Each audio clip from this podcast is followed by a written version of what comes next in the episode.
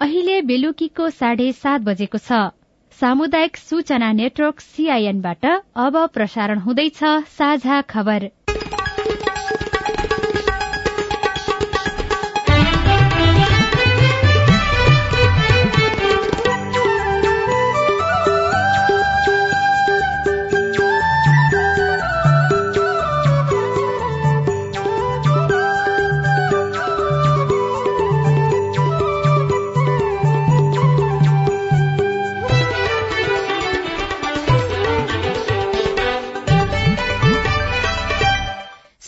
सीआईएनको साझा खबरबाट सोभिता रिसालको नमस्कार। साझा खबर देशभरिका सामुदायिक radio CIN Khabar dot com र मोबाइल एप सीआईएनमा पनि सुन्न सकिन्छ।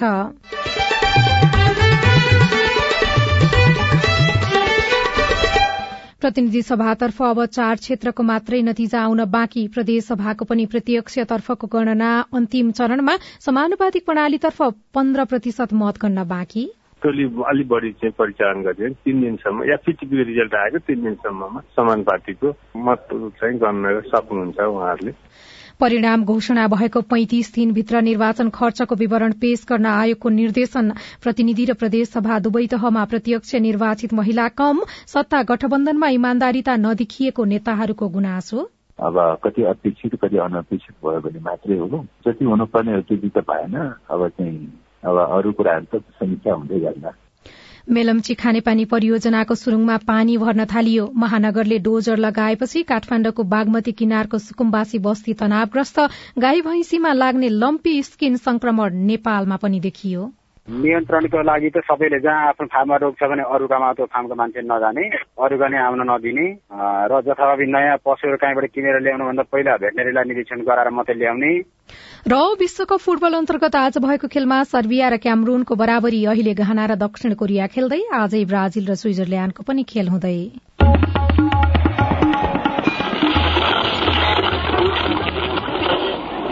रेडियो। हजारौं रेडियो कर्मी र करोड़ौं नेपालीको माझमा यो हो सामुदायिक सूचना नेटवर्क सीआईएन यसपटकको निर्वाचनबाट संघ र प्रदेश दुवैतिर पुराना भन्दा स्वतन्त्र र नयाँ पार्टीका उम्मेद्वारहरूलाई नागरिकले मन पराएको देखियो। यो सँगै अबको संसदमा केही नयाँ अनुहार देखिने पक्का भएको छ। नागरिकले नयाँ दल र स्वतन्त्र उम्मेद्वारको एजेण्डा र नीति भन्दा पनि पुराना दल र नेताका एकै खाले प्रतिबद्धता अनि सत्ताका लागि हुने झैझगडा विरूद्ध अभिव्यक्ति दिएका हुन्। त्यसैले अब नयाँ आएकालाई पनि नागरिक चाहना र राष्ट्रहित विपरीत काम गर्ने छूट छैन भने पुराना पनि सचिनुको विकल्प देखिएको छैन। अब खबर अविनाश आचार्यबाट। मंगिर चार गते भएको निर्वाचनको मत परिणाम अनुसार प्रतिनिधि सभातर्फ अब चार क्षेत्रको मात्रै नतिजा आउन बाँकी रहेको छ। कांग्रेसले त्रिपन्न सीट जितेको छ भने तीन स्थानमा अघि छ। यस्तै एमाले बयालिस स्थानमा जित्दा एक स्थानमा अघि रहेको छ। माओवादी केन्द्रले सत्र एकीकृत समाजवादीले दश राष्ट्रिय स्वतन्त्र पार्टीले सात तथा राप्रपाले सात सीट जितेका छन्। यसै गरी जसपाले सात लोसपाले चार तथा नागरिक उन्मुक्ति पार्टीले तीन सीट जितेका छन्। अन्य विभिन्न पार्टी तथा स्वतन्त्रले आठ स्थानमा सीट जितेका छन्। अब सुनसरीको क्षेत्र नम्बर तीन र चार उदयपुर एक तथा धनुषा चारको मत परिणाम आउन बाँकी रहेको छ। यसैबीच दुई दिन यता रोकिएको उदयपुर एकको मतगणना शुरू गर्न निर्वाचन आयोगले निर्देशन दिएको छ। मुख्य निर्वाचन अधिकृतलाई निर्देशन दिँदै आयोगले अहिले पठाएको पत्रमा मतगणना पूर्व भएको सहमतिका आधारमा गणना कार्यलाई निरन्तरता दिन निर्देशन दिएको छ। तर निर्देशनपछि पनि मतगणना शुरू हुन सकेको छैन। आयोगले पत्र पठाएपछि दिउँसो उम्मेद्वार र दलका प्रतिनिधिहरू समेत सँग छलफल भएको थियो। छलफलमा आयोगले पठाएको पत्रले स्पष्ट समाधान नदिएको भन्दै पुनः स्पष्टताका लागि पत्र पठाउने निर्णय भएको प्रमुख जिल्ला अधिकारी जनार्दन गौतमले सीआईएनसँग बताउनुभयो। मतगणनाका क्रममा पछिल्लो पटक खोलिएको दसवटा मतपेटिकामा उदयपुर एकको प्रदेश सभा खको एक सय मतपत्र भेटिएकाले गणना रोकिएको हो। प्रदेश सभातर्फ पनि प्रत्यक्षको मतगणना अन्तिम चरणमा पुगेको छ। प्रदेशमा नेपाली कांग्रेसले एक सय पाँच सीट जितेको छ यस्तै नेकपा एमाले अठासी सीट जितेको छ भने दुई क्षेत्रमा अघि देखिएको छ। यसै गरी माओवादी केन्द्रले त्रिपन्न सीट जितेको छ भने एकीकृत समाजवादीले चौध सीट जितेको छ। यसै गरी विभिन्न स्वतन्त्र उम्मेद्वारहरूले बाह्र सीट जितेका छन्। राष्ट्रिय प्रजातन्त्र पार्टीले एघार जनता समाजवादी पार्टीले दश लोकतान्त्रिक समाजवादी पार्टीले नौ तथा जनमत पार्टीले सात सीट जितेका छन्। यसै गरी नागरिक उन्मुक्ति पार्टीले पाँच सीट जितेको छ। प्रतिनिधि सभा सदस्य निर्वाचन अन्तर्गत समानुपातिक प्रणालीतर्फ अब पन्ध्र प्रतिशत मत गन्न बाँकी रहेको छ। निर्वाचन आयोगको सूचना प्रणालीमा प्रविष्ट भए अनुसार प्रतिनिधि सभामा हालसम्म त्रियानब्बे लाख आठ हजार एक सय चौसठी अर्थात खसेको मतको चौरासी दशमलव आठ दुई प्रतिशत मतगणना भइसकेको छ। निर्वाचनका लागि कुल मतदाता एक करोड़ उनासी लाख आठ हजार आठ सय पचास रहेकोमा प्रारम्भिक विवरणमा एकसठी प्रतिशत अर्थात एक करोड़ नौ लाख त्रिहत्तर हजार दुई सय सत्तरी मत खसेको थियो। सीआईएनसँग कुराकानी गर्दै आयोगका सहायक प्रवक्ता सूर्य प्रसाद अर्यालले सकेसम्म छिटो समानुपातिक तर्फको मतगणनाको काम सम्पन्न गर्ने जानकारी दिनुभयो। बाजुरा दोलखा कुराहरूले पनि अब त्यो परिणामलाई असर गर्ने देखियो होइन? टोली अलिक बढी चाहिँ परिचालन गरियो तिन दिनसम्म या फिटिपी रिजल्ट आएको तिन दिनसम्ममा समानुपातिको मत चाहिँ गर्न सक्नुहुन्छ उहाँहरूले। हालसम्मको परिणाम अनुसार समानुपातिक तर्फ नेकपा एमाले चौबिस लाख अठहत्तर हजार मत प्राप्त गरेको छ। यसै गरी कांग्रेसले तेइस लाख छप्पन्न हजार मत प्राप्त गरेको छ। माओवादी केन्द्रले दश लाख सैतिस हजार मत प्राप्त गर्दा राष्ट्रिय स्वतन्त्र पार्टीले दश लाख अडचालिस हजार मत ल्याएको छ। यस्तै राष्ट्रिय प्रजातन्त्र पार्टीले पाँच लाख सैतिस हजार मत प्राप्त गरेको छ जसपाले तीन लाख पञ्चानब्बे हजार मत ल्याएको छ भने एकीकृत समाजवादीले दुई लाख एकचालिस हजार मत ल्याएको छ। निर्वाचन आयोगले प्रतिनिधि सभा तथा प्रदेशसभा सदस्य निर्वाचनमा सहभागी राजनैतिक दल र उम्मेद्वारलाई परिणाम घोषणा भएको पैंतिस दिनभित्र निर्वाचन खर्चको विवरण पेश गर्न निर्देशन दिएको छ। विवरण पेश गर्दा तोकिएको हद बमोजिम सवारी साधन प्रचार प्रसार सामग्री ढुवानी गोष्ठी अन्तर्क्रिया अन्य प्रचार प्रसार छापा एवं विद्युतीय माध्यम अर्थात सामाजिक सञ्जाल समेतलाई कार्यालय सञ्चालन र प्रतिनिधि परिचालन लगायतका विषय शीर्षक उल्लेख गरी बुझाउनु पर्नेछ उम्मेद्वारले निर्वाचनमा खर्च गर्दा प्रयोग गरेको बैंक खाताको विवरण र खर्च गर्ने जिम्मेवार पदाधिकारीको नाम समेत उल्लेख गरी पेश गर्नुपर्ने आयोगले जनाएको छ। विवरण पेश गर्दा दलले हेलिकप्टर प्रयोग गरेको भए सो समेत र दलले निर्वाचनमा खर्च गर्दा प्रयोग गरेको बैंक खाताको विवरण र खर्च गर्ने जिम्मेवार पदाधिकारीको नाम समेत उल्लेख गरी पेश गर्नुपर्ने आयोगले जनाएको छ। मत परिणाम सार्वजनिक हुने क्रम अन्ततिर पुग्दा राजनैतिक दलहरूले चुनावी नतिजाको समीक्षा पनि शुरू गरेका छन्। दलहरूले औपचारिक रूपमा चुनावी नतिजाको समीक्षा नगरे पनि आन्तरिक र अनौपचारिक रूपमा समीक्षा गरिरहेका छन्। माओवादी केन्द्रका महासचिव देव गुरूङले सीआईएनसँग कुराकानी गर्दै गठबन्धन गरेर गए पनि मत सोचेको जस्तो प्राप्त गर्न नसकेको बताउनुभयो। आगामी दिनमा औपचारिक रूपमा समीक्षा गरेर आधिकारिक धारणा सार्वजनिक गर्ने उहाँको भनाइ छ। निर्वाचनको परिणामलाई त स्वत स्वीकार गर्ने कुरा नै भइहाल्यो। अब कति अपेक्षित कति अनपेक्षित भयो भने मात्रै हो। जति हुनुपर्ने हो त्यति त भएन। अब चाहिँ अब अरू कुराहरू त समीक्षा हुँदै गर्ला अब निर्वाचनको परिणामलाई स्वीकार गर्ने कुरा त स्वत भइहाल्यो। अब कहाँ कहाँ कमी कमजोरी भयो गठबन्धनभित्र कति सीमा रह्यो कमजोरी भयो त्यो समीक्षाको विषय भयो। समीक्षा होला। एकीकृत समाजवादीका नेताहरूले पनि सत्ता गठबन्धनका दलले इमान्दारितापूर्वक मत नदिएको गुनासो गरेका छन्। सीआईएनसँग कुराकानी गर्दै नेकपा यसका उपमहासचिव जगन्नाथ खतिवड़ाले गठबन्धनभित्रका दलले इमान्दारिता प्रस्तुत गर्न नसकेको बताउनुभयो। अब निर्वाचनको मत परिणाम हाम्रो पार्टीका लागि अपेक्षा गरे अनुसार भएन। यो प्रकारको शक्ति जुन विन्यास देखिन्छ संसदमा यसले राजनीतिक स्थिरतालाई भन्दा अस्थिरतालाई बढावा दिने खालको देखिन्छ। तर यहीँभित्रबाट सुव्यवस्था खोज्न हामी बाध्य छौँ। यो निर्वाचनमा गठबन्धन गरेर जाँदाखेरि पार्टीलाई थप फाइदा हुन्छ भन्ने अपेक्षा गरेर गठबन्धन गरियो तर गठबन्धन यहाँको दलको लागि सोचे अनुसारको फाइदाजनक भएन त्यसो भए? त्यो पनि हो राम्रै परिणाम आउने आउने आशा पनि थियो। गठबन्धनभित्रका कतिपय दलहरू एकदमै धेरै ठाउँमा इमान्दार नभएको पनि हामीले भेट्यौं। नेकपा एकीकृत समाजवादी पार्टी मात्रै गठबन्धनका अरू सबै दलहरूप्रति उत्तिकै इमान्दार र वफादार भएको देखियो। अब यो गम्भीर बहस छलफल समीक्षा गर्ने विषय छ। यस्तै लोकसभाका नेता अनिल झाले यसबारेमा औपचारिक समीक्षा हुन बाँकी रहेको भए पनि प्रारम्भिक नतिजा हेर्दा नै गठबन्धनमा इमान्दारिता नदेखिएको महसुस भएको बताउनुभयो। अन्तिम समयमा गठबन्धन जोइन गरेर निर्वाचनमा गइयो त्यो अपेक्षाकृत रूपमा फलदायी भएन।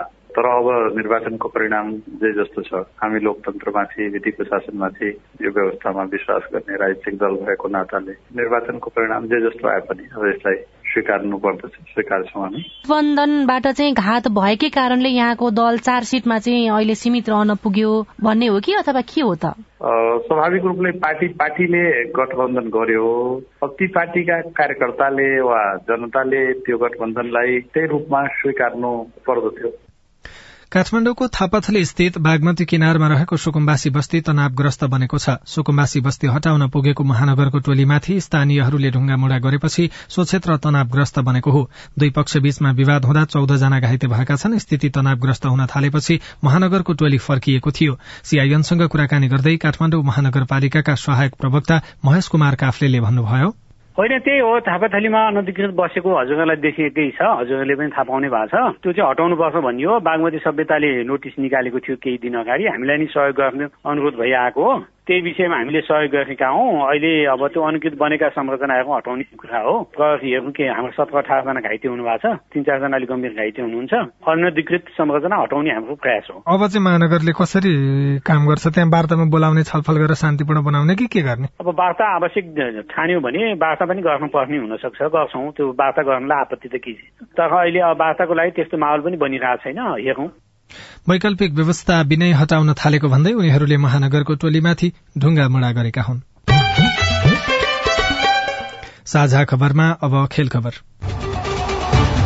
विश्वकप फुटबल विशेष। कतारमा जारी विश्वकप फुटबल अन्तर्गत आज भएको खेलमा सर्बिया र क्यामरूनले तीन तीन गोलको बराबरी खेलेका छन्। बराबरीसँगै क्यामरून र सर्बियाले समूह जीमा एक एक अंक जोडेका छन्। पहिलो खेलमा क्यामरून स्विजरल्याण्डसँग एक शून्य गोलको नतिजामा हारेको थियो। सर्बिया ब्राजिलसँग दुई शून्यले पराजित भएको थियो। अहिले दक्षिण कोरिया र घाना बीच प्रतिस्पर्धा भइरहेको छ। समाचार तयार पार्दासम्म घाना दुई शून्यले अघि छ। त्यस्तै तेस्रो खेलमा ब्राजिल र स्विजरल्याण्ड राति नौ पैंतालिसमा खेल्नेछन् भने चौथो खेलमा पोर्चुगलले उरुग्वेको सामना गर्नेछ। समूह जीमा रहेको पोर्चुगल र उरुग्वे बीचको खेल राति बाह्र पैंतालिस बजे शुरू हुनेछ।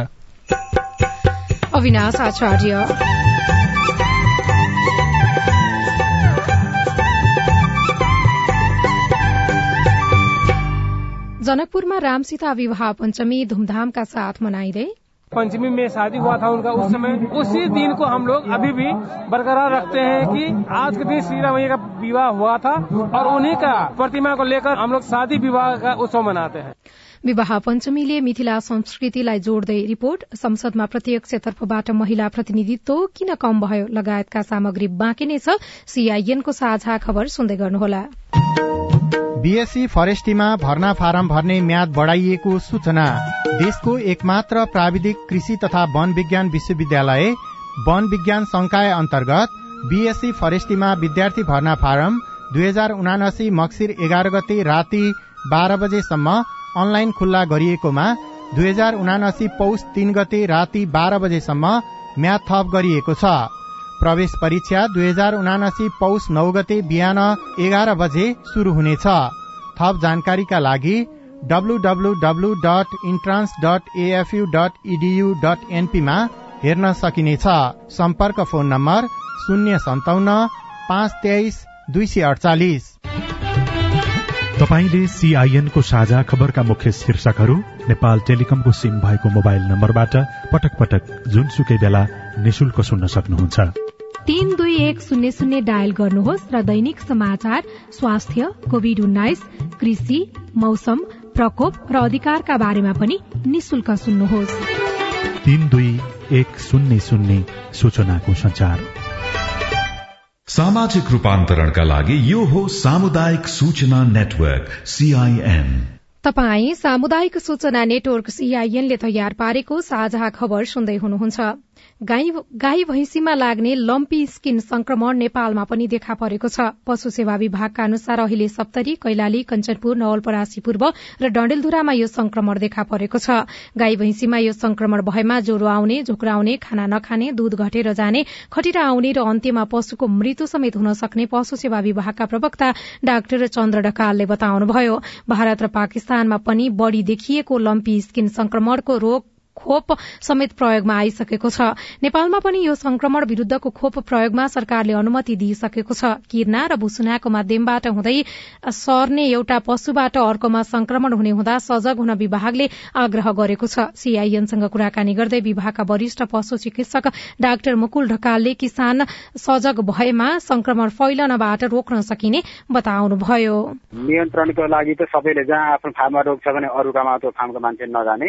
अरूका नै आउन नदिने र जथाभावी नयाँ पशुहरू कहीँबाट किनेर ल्याउनुभन्दा पहिला भेटनेरीलाई निरीक्षण गराएर मात्रै ल्याउने बाहिर आफ्ना रोगी पशुहरू अरूतिर नछोडिदिने त्यतिकै र अर्को चाहिँ अन्तर्गत भ्याक्सिन चाहिँ लगाउनु पर्ने हुन्छ। अब अरू देशहरूले चाहिँ विभिन्न स्ट्रेनका भ्याक्सिनहरू लगाएको छ अनि हामीले नि त्यो निफ्रिन स्ट्रेन भन्ने भ्याक्सिनलाई चाहिँ लगाउन दिने भन्ने चाहिँ सरकार निर्णय पनि गरिसकेको छ। कसैले मगाउन माग्यो भने हामीले आयात सिकाएर दिन्छौँ। यसअघि दुई हजार छयत्तर सालमा पनि नेपालका विभिन्न जिल्लामा यो संक्रमण देखिएको थियो। मेलम्ची खानेपानी परियोजनाको सुरुङमा आजबाट पानी बढ्न थालिएको छ। बाढ़ीबाट क्षति हुन नदिन आयोजनाले गत असारमा आयोजनाको सुरुङको मुहान बन्द गरिएको थियो। वर्षायाममा मेलम्ची नदीमा आएको बाढ़ीले क्षति पुर्याएका संरचना मर्मत गरेपछि सुरुङमा पानी भर्न थालिएको आयोजनाले जनाएको छ। अबको केही दिनमा मेलम्चीको पानी काठमाण्डुको थोक वितरण प्रणालीमा पठाइने र लगत्तै वितरणका लागि उपलब्ध हुने आयोजनाले जानकारी दिएको छ। आज जनकपुरमा राम सीता विवाह पञ्चमी धूमधामका साथ मनाइँदैछ। विवाह महोत्सवको पहिलो दिन नगर दर्शन दोस्रो दिन फूलबारी लीला तेस्रो दिन धनुष भंग चौथो दिन मटकोर पाँचौं दिन तिलकोत्सव हुन्छ। महोत्सवको छैठौं दिन आज वैवाहिक कार्यक्रम सकिएपछि भोलि सातौं दिन जन्तीको विदाईसँगै राम कलेवा मनाएर महोत्सव सम्पन्न गरिन्छ। हरेक वर्ष सप्ताहव्यापी रूपमा मनाइने विवाह पञ्चमी मंगिर शुक्ल पष्टी तिथिमा समाप्त हुन्छ। विवाह पञ्चमीले मिथिला संस्कृतिलाई कसरी जोड्दै आएको छ?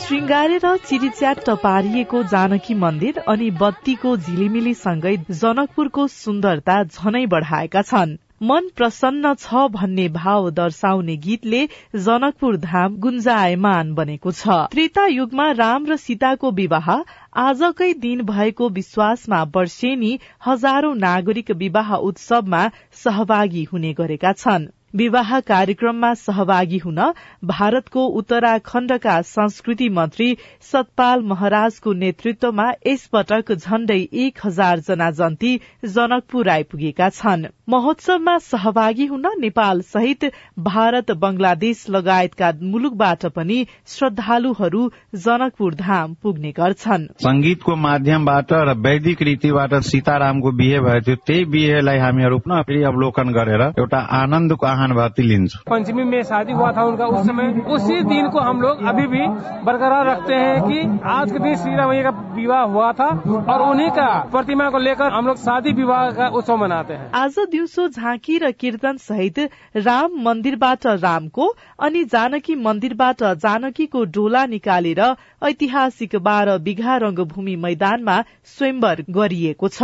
वैवाहिक कार्यक्रममा राम मन्दिरका महन्त रामगिरीले राजा दशरथको र जानकी मन्दिरका महन्त राम तपेश्वर दास वैष्णवले राजा जनकको भूमिका निर्वाह गरिरहनु भएको छ। मिथिला परम्परा अनुसार विवाहको महत्व दर्शाउनुका साथै मिथिला संस्कृति पनि झल्काउने भएकाले विवाह पञ्चमी निकै महत्वपूर्ण पर्वको रूपमा रहेको मिथिला संस्कृतिका जानकार राम भरोस कापरी बताउनुहुन्छ। गीत हुन्छ हुन्छ गाली गर्ने एउटा परम्परालाई पालन गरेको मिथिला क्षेत्रमा भन्दा पनि आफ्नै छोरीको रूपमा आफ्नै बहिनीको रूपमा यस किसिमबाट पनि यहाँका जति लोकगीतहरू छन् त्यो माध्यमबाट उत्पीडित भएको छ अनि सबैलाई पीड़ा गर्छन् अब उनीहरू जान्छन्। सदियौंदेखि चल्दै आएको विवाह महोत्सव मिथिला संस्कृति र नेपाल भारत सम्बन्धको सेतुका रूपमा समेत रहँदै आएको छ। यति मात्र होइन यो पर्वले जनकपुर धाममा धार्मिक पर्यटनको प्रचुर सम्भावनालाई पनि उजागर गर्ने गरेको छ। स्नेहा कर्ण सीआईएन काठमाडौँ।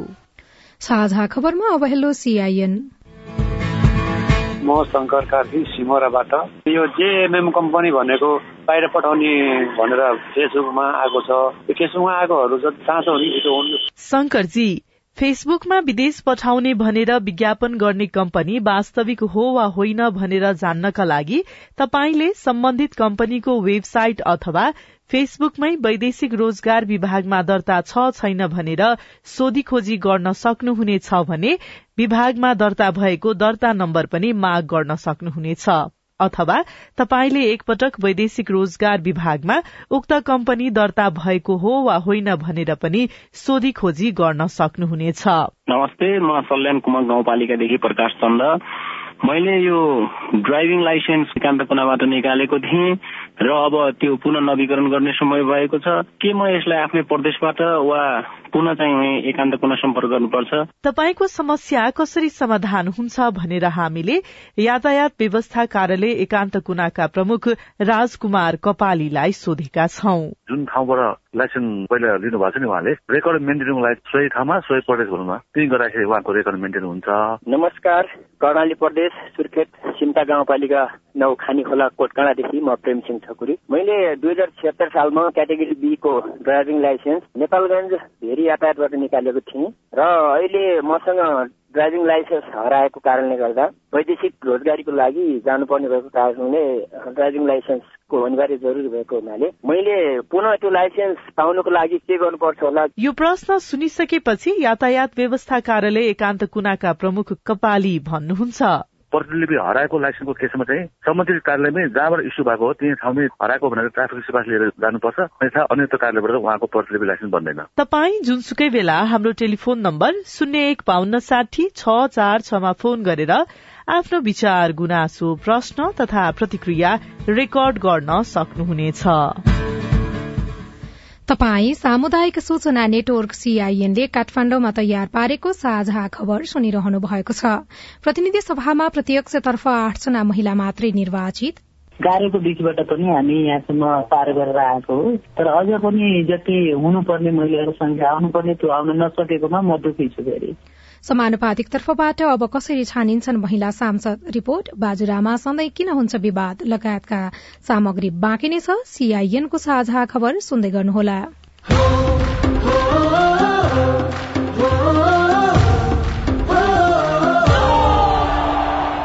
फुटबलको महायुद्ध जोसको यो खेल चार चार वर्षमा आउँछ यस्तो यो बेग।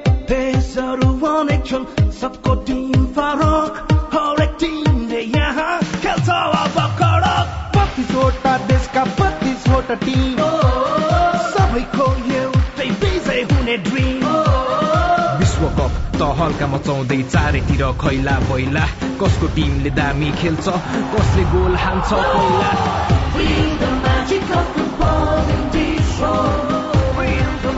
विश्वकप फुटबलको म्याजिक लाइभ सामाजिक रूपान्तरणका लागि यो हो सामुदायिक सूचना नेटवर्क सीआईएन तपाई सामुदायिक सूचना नेटवर्क सीआईएनले काठमाण्डुमा तयार पारेको साझा खबर सुन्दै हुनुहुन्छ। नेपालको संविधानले संसदमा कम्तीमा तेत्तीस प्रतिशत महिलाको सहभागितालाई सुनिश्चित गरेको छ तर प्रतिनिधि सभाको निर्वाचनमा दुई सय पच्चीस जना महिला उम्मेद्वार प्रतिस्पर्धामा उत्रिएका भए पनि आठजना मात्रै निर्वाचित भएका छन्। यो कुल विजयी उम्मेद्वारको छ प्रतिशत मात्रै हो। प्रत्यक्ष तर्फबाट संसदमा प्रतिनिधित्व गर्ने महिला सांसदको प्रतिनिधित्व कम हुँदा अब तेत्तीस प्रतिशत महिलाको सुनिश्चितता कसरी गराइन्छ? बाराको क्षेत्र नम्बर तीनबाट निर्वाचित भएपछि नेकपा एमालेका ज्वाला शाह निकै खुशी हुनुहुन्छ। तर प्रत्यक्षतर्फ निर्वाचित महिला सांसदको संख्या कम हुनु चिन्ताको विषय भएको उहाँको भनाइ छ। चुनाव प्रचार प्रसारमा पनि अलिकति आर्थिक सपोर्ट पनि चाहिँदै रहेछ क्या अब अलिक गाह्रै हुन्छ त्यही पनि हामी गाह्रोको बिचबाट पनि हामी यहाँसम्म पार गरेर आएको हो। तर अझ पनि जति हुनुपर्ने महिलाहरू संख्या आउनुपर्ने त्यो आउन नसकेकोमा म दुखी छु फेरि। एक सय चौवालिस क्षेत्रमा प्रतिस्पर्धा गरेको नेकपा एमाले एघार क्षेत्रमा महिलालाई उम्मेद्वार बनाएको थियो जसमा तीनजना निर्वाचित भए। नेपाली कांग्रेसले पाँच स्थानमा महिलालाई उम्मेद्वार बनाएकोमा तेह्रथुमबाट सीता गुरूङ मात्रै निर्वाचित हुनुभयो। महिला उम्मेद्वारको संख्या नै कम भएकाले यस्तो अवस्था सिर्जना भएको गुरूङ बताउनुहुन्छ। निर्णायक तहमा कुनै पनि पार्टीको नेतृत्व तहमा चाहिँ महिलाहरू नभएको कारणले टिकट पाउनेकै समस्या छ। त्यसमा टिकट पाउनेको संख्या पनि थोरै हुन्छ। फेरि त्यो संख्याको आधारमा हेर्ने हो भने महिलाहरू निर्वाचित हुनलाई समस्यै छ। जहाँ चाहिँ अब उम्मेदवारी प्राप्त गरेको ठाउँमा पनि अब महिलाहरूलाई नेतृत्वदायी ढंगले नबुझ्ने हुन्छ। राष्ट्रिय स्वतन्त्र पार्टीबाट दुई नेकपा माओवादी केन्द्रबाट एक र जनमत पार्टीका एक महिला सांसद निर्वाचित भएका छन्। तर संविधानले तेत्तीस प्रतिशतको महिला सहभागिता सुनिश्चित गरेकाले दलहरूले समानुपातिक तर्फ सिफारिश गरेका महिला मध्येबाट कम्तीमा तिरासी जना चयन गर्नुपर्छ। यसले प्रत्यक्ष निर्वाचनमा महिलाको सहभागिता घटाएको एमालेका नेता बिन्दा पाण्डे बताउनुहुन्छ। जसरी पनि एक तिहाई पुर्याउनु पर्ने हो त्यसले गर्दाखेरि उताबाट ल्याएर पुर्याउन सकिहालिन्छ नि भन्ने खालको कुरा हो। अब त्यसरी चाहिँ पुग्दो रहेनछ भन्ने त यसपालिको चाहिँ नि निर्वाचनको परिणाम हेर्दाखेरिमा देखिन्छ नि त। पहिलो संविधान सभा प्रत्यक्षतर्फ तीस जना महिला सांसद निर्वाचित भएका थिए। दोस्रो संविधान सभामा प्रत्यक्षतर्फ निर्वाचित महिला सांसदको संख्या घटेर दशमा झर्यो दुई हजार चौरात्तर सालको प्रतिनिधि सभाको निर्वाचनमा जम्मा छ जना महिला प्रत्यक्षतर्फ निर्वाचित भएका थिए। पछिल्लो समय महिला उम्मेद्वारको संख्या केही बढ़ेको देखिन्छ तर निर्वाचित हुने संख्या भने कम हुँदै गएको छ। यसको मुख्य कारण भने राजनीतिक दलहरूले आफ्नो बलियो पकड़ भएको क्षेत्रमा महिलाको उम्मेद्वारी दर्ता नगर्नु रहेको राजनीतिक विश्लेषक प्राध्यापक डाक्टर रामकृष्ण तिवारी बताउनुहुन्छ। यो त के हो भन्दाखेरिमा संविधानले चाहिँ दिएको जुन एउटा प्रावधान छ त्यो प्रावधानलाई टेक्नको लागि मात्रै चाहिँ उम्मेद्वारहरू उठाएको जस्तो देखियो। भने जित्नको लागि होइन। जहाँ जहाँ नोमिनेसन भएको छ त्यहाँ पनि तपाईँको चाहिँ सक्रिय रूपमा चाहिँ ती ठाउँमा नभएर चाहिँ त्यो संख्या पुर्याउने विषयमा मात्रै चाहिँ उपस्थित गरिरहेको छ। उम्मेद्वार चाहिँ नोमिनेसन गरिरहेको छ। त्यसले गरेको चाहिँ यो नतिजा हो यो अहिलेको। अहिलेसम्मको निर्वाचनको परिणामलाई केलाउँदा अब बन्ने संसदमा नेपाली कांग्रेसको समानुपातिक समेत गरेर लगभग छयासी सीट हुने देखिन्छ जसमा तेत्तीस प्रतिशत महिला सांसदको प्रतिनिधित्व सुनिश्चित गर्न समानुपातिकबाट कम्तीमा तीस जना महिलालाई सिफारिश गर्नुपर्ने हुन्छ। यस्तै एमाले कम्तीमा छब्बीस जना नेकपा माओवादीले दस जना महिला राष्ट्रिय स्वतन्त्र पार्टीले छ जना राप्रपाले कम्तीमा पाँच जना र जनता समाजवादी पार्टीले कम्तीमा तीनजना महिला सांसद चयन गर्नुपर्ने देखिन्छ। सुशीला श्रेष्ठ सीआईएन काठमाडौँ। आफ्ना जनप्रतिनिधि छान्न पाइने निर्वाचनका बेला नागरिक खुशी हुनुपर्ने हो। तर बाजुराका नागरिकलाई भने निर्वाचनका बेला कहाँ कहाँबाट के के नराम्रो खबर सुन्नुपर्ने हो भन्ने चिन्ता भइरहन्छ। यस पटकको निर्वाचनमा बाजुरामा दुईजनाको मृत्यु भयो भने चारजना घाइते भए। विवाद बढ़दै जाँदा अहिलेसम्म मतगणना नै शुरू हुन सकेको छैन। बुढीनन्द नगरपालिका सातका सुकबीर कडारा निर्वाचनका बेला बाजुराका मतदाताले ढुक्क भएर मतदान गर्न पाउने अवस्था नभएको बताउनुहुन्छ। अझ दलित समुदायका मतदाताले त कतिपय ठाउँमा आफ्नो मत आफै हाल्न पाउने अवस्था पनि नरहेको उहाँको गुनासो छ। मैले त पुरै हाल्न पाइएन एउटा मत चाहिँ हाल्न पाएँ त्यहाँदेखि पछाडि अरू मत हाल्न पाइएन। डरले पनि मत हाल्न प्रायः जसो जाँदैनन्। बुढीनन्द नगरपालिका तीनका साठी वर्षका शिव बोहराले दुई हजार अडतालिस सालदेखिका हरेक निर्वाचनमा मतदान गर्दै आउनु भएको छ। तर कहिले निर्वाचित भएर जानेले राम्रोसँग काम नगरेको त कहिले निर्वाचन नै हुनुपर्ने जस्तो नभएको उहाँको अनुभव छ। केही सहयोग भएको छैन सहयोग हुन्न यो साल आयो अर्को सालमा अझै एक नेता आयो अब उनको दियो गई गर्नु भन्नु। केही छैन। भोट दिनु मात्रै छ अब। मतदातालाई शान्तिपूर्ण निर्वाचन मार्फत आफूले रोजेको दल र उम्मेद्वार छान्न पाउने अधिकार हुन्छ। तर जसरी पनि आफू र आफ्नो दलले जित्नै पर्ने दलका नेता र उम्मेद्वारको मानसिकताका कारण निर्वाचनका बेला हिंसात्मक घटना हुने गरेको नागरिक अगुवा गणेश भण्डारी बताउनुहुन्छ। समाजलाई चाहिँ एउटा मार्गनिर्देश गर्ने राजनीतिक पार्टी नेताहरूको चाहिँ भूमिका हुनुपर्नेमा यहाँ त कस्तो खालको भयो भने विभिन्न खालका चाहिँ तत्त्वहरूलाई चाहिँ उकास्ने विभिन्न खालको चाहिँ आकर्षित गर्ने होइन? अब यो हिसाबले त कहिले बाजुराका नागरिकले आफ्नो मताधिकारको प्रयोग गर्न पर्ने अवस्था हुने यो दुःखद विषय हो। निर्वाचनका बेला आम मानिसलाई डर त्रासको वातावरण सिर्जना हुनुमा राजनैतिक दल सबैभन्दा बढी दोषी देखिन्छन्। बाजुरामा निर्वाचन किन शान्तिपूर्ण रूपमा हुन नसकिरहेको हो त? नेपाली कांग्रेसका नेता तथा पूर्व भूमि सुधार सहायक मन्त्री जनकराज गिरी। भिडलाई नै उत्तेजित गर्ने आकर्षित गर्ने र गलत काममा हस्तक्षेप गर्ने त्यो खालको प्रवृत्तिले गर्दाखेरि घटनाहरू पटक पटक दोहोरिएका छन्। यो बाजुरा जिल्लाका लागि र अहिलेको यस्तो युगमा यो सभ्यताकै विपरीत हो एउटा राजनीतिक कल्चरकै विपरीत चाहिँ घटनाहरू दुःखदायी घटनाहरू भएका छन्। देश विदेशमा समेत बाजुरा बारे गलत सन्देश दिने गरेका घटना निर्वाचनका बेलामा हुने गरेका छन्। यस्तो हुन नदिन दलका नेताले किन ध्यान नदिएका? नेकपा एमालेका जिल्ला कमिटी सचिवालय सदस्य तथा बुढीनन्दा नगरपालिकाका नगर प्रमुख जनक कुमार बोहरा। राजनीतिक रूपमा चाहिँ अब यो संस्कारको विकास पनि भएको छैन पहिलो कुरा। दोस्रो कुरा भनेको अब यहाँको विपन्नता नै हो। अब यसमा चाहिँ अलिकति पोलिटिकल कल्चरको विकास पनि हुन जरुरी छ। निर्वाचन जनमत प्रकट हुने अवसर हो। बढी मत पाउनेले जनप्रतिनिधिका रूपमा काम गर्नुपर्छ अनि कम मत पाउनेले अर्को निर्वाचनसम्म नागरिकको विश्वास जित्ने प्रयास गर्नुपर्छ। यसका लागि राजनैतिक दल र उम्मेद्वारले बाहुबली बाटो बदल्नै पर्छ। जीवन कैला सीआईएन रेडियो बुढी नन्दा कोल्टी बाजुरा। प्रतिनिधि सभातर्फ अब चार क्षेत्रको मात्रै नतिजा आउन बाँकी रहेको छ। प्रदेश सभाको पनि प्रत्यक्षको मतगणना अन्तिम चरणमा पुगेको छ। समानुपातिक प्रणालीतर्फ पन्ध्र प्रतिशत मात्रै मत गण्न बाँकी रहेको आयोगले जनाएको छ। परिणाम घोषणा भएको पैंतिस दिनभित्र निर्वाचन खर्चको विवरण पेश गर्न आयोगले निर्देशन दिएको छ। प्रतिनिधि र प्रदेशसभा दुवै तहमा प्रत्यक्षतर्फ निर्वाचित महिला कम भएका छन्। सत्ता गठबन्धनमा इमान्दारिता नदेखाएको नेताहरूले गुनासो गरेका छन्। र विश्वकप फुटबल अन्तर्गत आज भएको खेलमा सर्बिया र क्यामरूनले बराबरी खेलेका छन्। आजै ब्राजिल र स्विजरल्याण्ड बीचको खेल पनि हुँदैछ। हवस् त आजलाई साझा खबरको समय सकियो। प्राविधिक साथी सुरेन्द्र सिंहलाई धन्यवाद। भोलि मंगिर तेह्र गते बिहान छ बजेको साझा खबरमा फेरि भेटौँला। अहिलेलाई सोभिता रिसाल पनि विदा हुन्छु। नमस्कार शुभरात्री।